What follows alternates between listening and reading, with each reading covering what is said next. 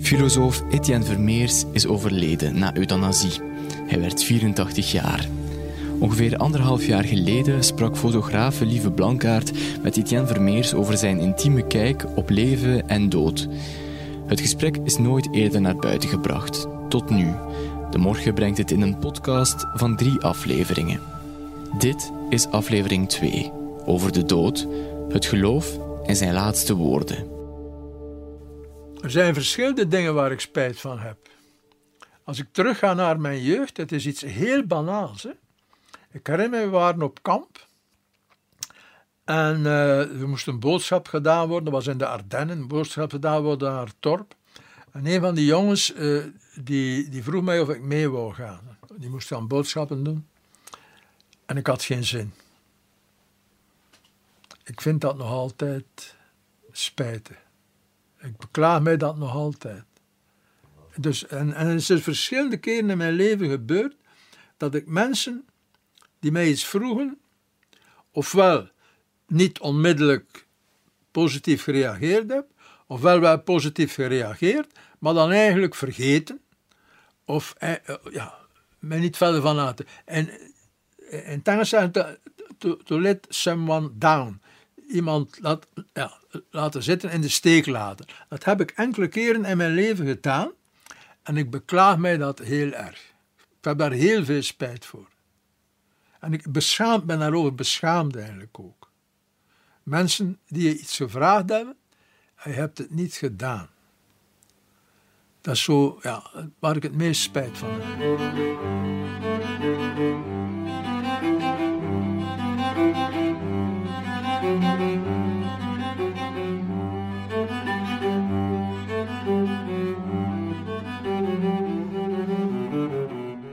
De vraag hoe ik het liefst zou sterven, als ik, als ik die keuze heb. Ten eerste, een van de mogelijkheden in mijn uh, situatie is natuurlijk dat ik zal sterven door een hartaanval. Dus een infarct. En als dat zo is, heb ik het liefst dat die infarct, ik heb er nu al twee gehad, maar die waren niet dodelijk. Dus eh, dat was verschrikkelijk pijnlijk. Vooral de eerste, eerste infarct was verschrikkelijk pijnlijk. Alleen te vergelijken met de niercrisis, die ik ook eens gehad heb, is ook verschrikkelijk pijnlijk. Ik wou dus graag een hartaanval hebben, maar onmiddellijk gedaan. Dus, hè? pats gedaan en voorbij. Anders, als het dus een, een slepende ziekte zou zijn, dan zou ik zeker kiezen voor euthanasie. Op een manier dat je dus op een vreedzame, uh, rustige manier uit het leven kunt stappen. Hè. Het is namelijk zo, uh, ik heb helemaal geen angst voor de dood. Het was een eeuwige discussie tussen mij en Jaap Kruithof. Jaap Kruithof was, heb ik gehad als jonge professor en daarna als collega. Die wou maar niet geloven dat ik geen angst heb voor de dood. Ik, ik begrijp gewoon niet wat dat is, angst voor de dood. Ja, je weet, je zult eens moeten sterven. En je zegt, ja, liefst zo laat mogelijk. En liefst zo lang mogelijk leven in een behoorlijke toestand. Maar als dat leven niet meer behoorlijk is, dan stop ik er liever mee. En dan, ja, dan komt wat sowieso toch moet komen. De dood komt. Er is een periode geweest waarin ik nog niet leefde. En kan mij daar niet over beklagen, want ik bestond niet. En er is een periode waarop ik niet meer zal leven. En kan ik me daar ook niet over beklagen, want dat is het lot van iedereen. Het enige wat je kunt wensen, is dat dat ja, een beetje later komt, dat je nog heel wat kunt doen. Maar voor de rest, ja. De, de dood, als je die kunt kiezen, dan kies je die dood die het minst pijnlijk is. En liefst zo laat mogelijk, dat we zijn, zolang als je nog behoorlijk kunt functioneren. Maar voor het overige heb ik met de dood geen enkel probleem. Het is gewoon des mensen. Het is niet alleen des mensen. Het is uh, der planten en, en, en der dieren ook. Hè. Het is nu eenmaal zo. Ja, dat is het lot van ieder levend wezen. Het schijnt dat er bacteriën zijn die blijven voortbestaan, maar, maar eh, dus uh, eukaryotische wezens blijven niet voortbestaan. Nu gebruiken we een woord dat de meeste mensen niet verstaan, maar ze moeten maar een keer googlen.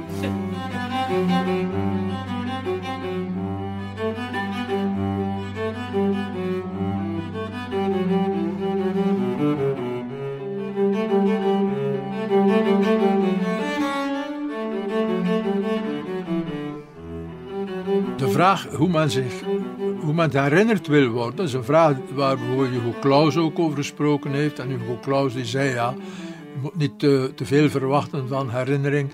Hij zei als ik ooit ergens uh, een meisje mijn teksten leest en daar een beetje opgewonden van wordt, dat is al dat is al heel mooi. Nu, ik heb die ambitie niet. Dat men van mijn teksten seksueel opgewonden wordt.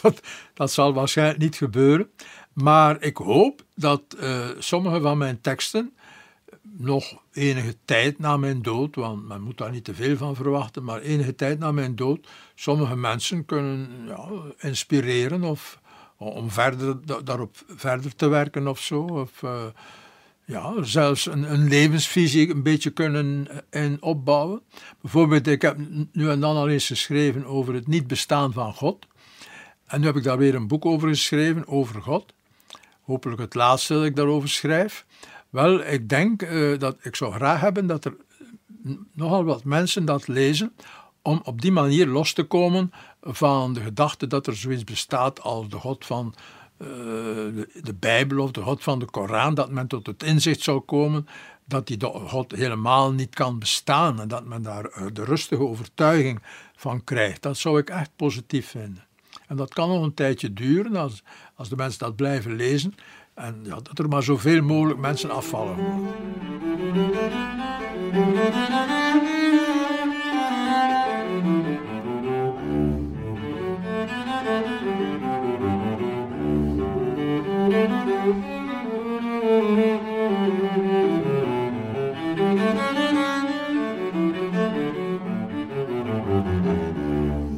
Wij zijn geboren om de vraag, als je nu de vraag stelt, ja, waar gaan we naartoe?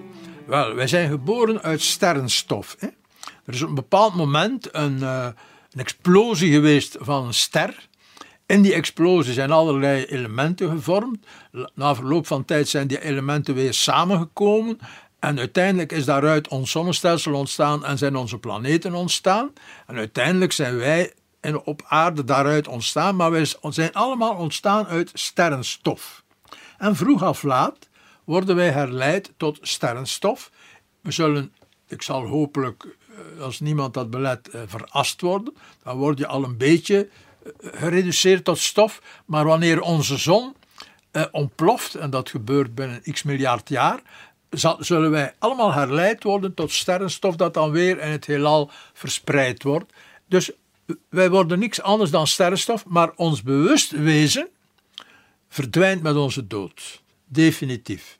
Het is totaal ondenkbaar dat er na de dood zoiets als een bewust wezen zou blijven voortbestaan. Het is wel zo dat uh, de mensen vanaf het eerste millennium voor Christus gedacht hebben: ja, de wereld is onrechtvaardig, de goeden worden niet altijd beloond en de kwaden worden niet altijd gestraft. En in India hebben ze daar het idee van de reïncarnatie opgevonden. Wie goed geleefd heeft, wordt herboren in een hogere toestand. En wie slecht geleefd heeft, wordt herboren in een slechtere toestand. En in het Westen, of vanaf in het Midden-Oosten, heeft Zarathustra daar een andere oplossing over gevonden. Namelijk, op het einde der tijden is er een wederopstanding van de doden. Want Zarathustra gelooft in Oh God, een Ahura Mazda die in staat is dus de doden weer op te wekken. En daar zullen de goeden beloond worden. En, zo, en het paradijs, daar worden ze beloond. En de, de slechten worden gestraft in de hel. Nu, die leer van Zarathustra is in de tweede eeuw voor Christus binnengedrongen in het Jodendom. Want in het Oude Testament is men zeker dat er geen positief leven na de dood bestaat. De meeste christenen weten dat niet. Hè? Dat volgens het Oude Testament er absoluut geen positief leven na de dood kan bestaan. Dat staat op talloze teksten in het Oude Testament. Maar onder invloed van Zarathustra is die leer van die wederopstanding vanaf de tweede eeuw ongeveer doorgedrongen en wordt vanaf de eerste eeuw na Christus in het al, nog het algemeen het judaïsme verspreid en ook in het christendom, die dat heeft overgenomen. Met daarbij de leer van de ziel na verloop van tijd, dat is dan leer van Plato, dat er een onsterfelijke ziel is. En uiteindelijk is dat ook overgenomen in de islam. Maar het is niet omdat die leer van Zarathustra overgenomen is, omdat dat nogal aantrekkelijk is, het idee de bozen worden gestraft en de goede worden beloond. Dat is zeer aantrekkelijk. Ja. Daarom heeft dat nogal veel succes gekend. Maar het wordt stil aan tijd, we zitten nu in de 21ste eeuw, dat die sprookjes, ja, dat dat verdwijnt. Men zou kunnen denken, nu en dan, dat dat geloof terug aan het groeien is, maar ik denk niet dat dat het geval is in, in, West-Europa. En ik denk bijvoorbeeld in, in, in Vlaanderen, en in België in het algemeen, in Wallonië is dat een beetje vroeger gebeurd, is het geloof aan onsterfelijkheid eh, verzwakt hoor. Eh, ik denk dat sinds de jaren 50 in Vlaanderen, en Wallonië eigenlijk sinds begin van de 20e eeuw en, en al vroeger, een beetje vroeger, maar in Vlaanderen sinds de jaren 50, als je een enquête zou doen daarover, dat, dan zou je zien dat rond de jaren 50 daar nog zeer grote percentages van mensen geloofden in een leven na de dood, een positief leven na de dood, en nog een beetje angst hadden voor een negatief leven na de dood. Maar ik denk dat dat momenteel zeer sterk verzwakt is. Alleen is het zo dat de mensen van de islam nog altijd in die ja, vrij middeleeuwse denkwijze leven, omdat in de islam alles aan elkaar gekoppeld is. In de islam mag je aan de Koran, ja, je mag daar niets aan doen, omdat men ervan uitgaat dat is een onderdeel van God zelf. Dus je kunt daar geen letter of ja, geen, geen zin, geen woord, zelfs geen letter aan veranderen, of je doet heiligschennis. En zolang men die opinie heeft, ja, zit men daaraan vast. En wie dus begint daaraan te twijfelen, twijfelt automatisch aan heel de rest. Er is ook een, een, ja, een achterstand op wetenschappelijk gebied in de, islam, eh, islamlanden. Je moet weten, in de islamlanden. Wij hebben boekdrukkunst sinds 1450. Eerste drukpers in Egypte is daar toegekomen op het schip van Napoleon. Rond 1800. Hè. Moet je voorstellen, wat een achterstand. En die achterstand wordt maar heel langzamerhand ingehaald. En wetenschappelijk onderzoek, dat dus op de Koran gericht is, kritisch, wordt in al die landen eigenlijk verboden. Mensen moeten vluchten. En dus zal het wel een tijdje duren voordat de denkbeelden daar gaan evolueren. Want er zijn ook heel veel christenen, mensen die zich christen noemen en die niet meer geloven in een leven na de dood. Ik ken een jezuïet, Pater Lenaars, die dat gepubliceerd heeft. Dat hij niet in een, ja, die denkbeelden dat onze persoonlijkheid als zodanig blijft bestaan. Nee. Die zegt dan, ja, wij blijven bestaan in God, maar niet als persoon, maar ergens in God. Ja. En anderen zeggen, wij blijven bestaan in de natuur, enzovoort. Maar die ideeën zijn in het Westen veranderd, in de Verenigde Staten wat minder. Hoewel dat nu ook begint te evolueren, maar je hebt dan nog zeer conservatieve christenen. Maar stilaan begint dat ook te evolueren. Maar dus als natuurlijk de, de, de, invloed van de islam zou sterker worden, dan zou opnieuw dat geloof, en dat we in die 70 maagden eh, in het paradijs, je kunt niet geloven, zo naïeve dingen, dat men daar tot in de 21ste eeuw in gelooft. Dat men, eh, men, men pleegt dan zelfmoord, uh, zoveel slachtoffers daarbij, en dan denkt men, nu gaan we naar 70 maagden. Ja. Gelukkig zullen ze nooit weten dat er geen 70 maanden zijn natuurlijk. Of misschien ongelukkig voor hen, maar eh, het is ondenkbaar dat men nog in zulke, zulke sprookjes gelooft in de 21ste eeuw. Dus de gedachte aan een leven na de dood is, is lange tijd een aantrekkelijke gedachte geweest, maar men moet inzien, ja, het heeft geen enkele, het heeft geen enkele, er is niks, er is nooit enig spoor van bewijs daarvoor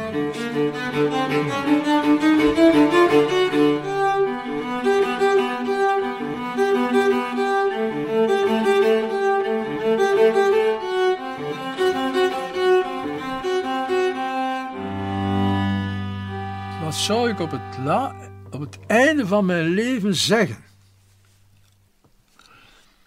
Misschien zou ik de mensen bedanken die van mij gehouden hebben.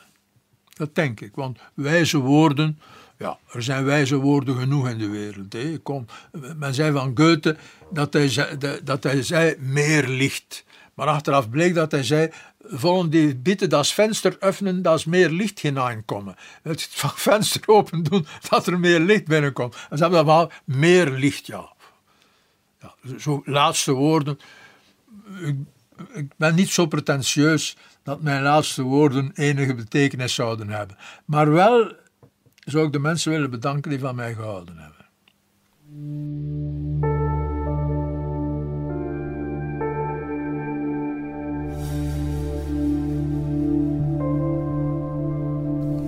Dit hoor je in de volgende aflevering.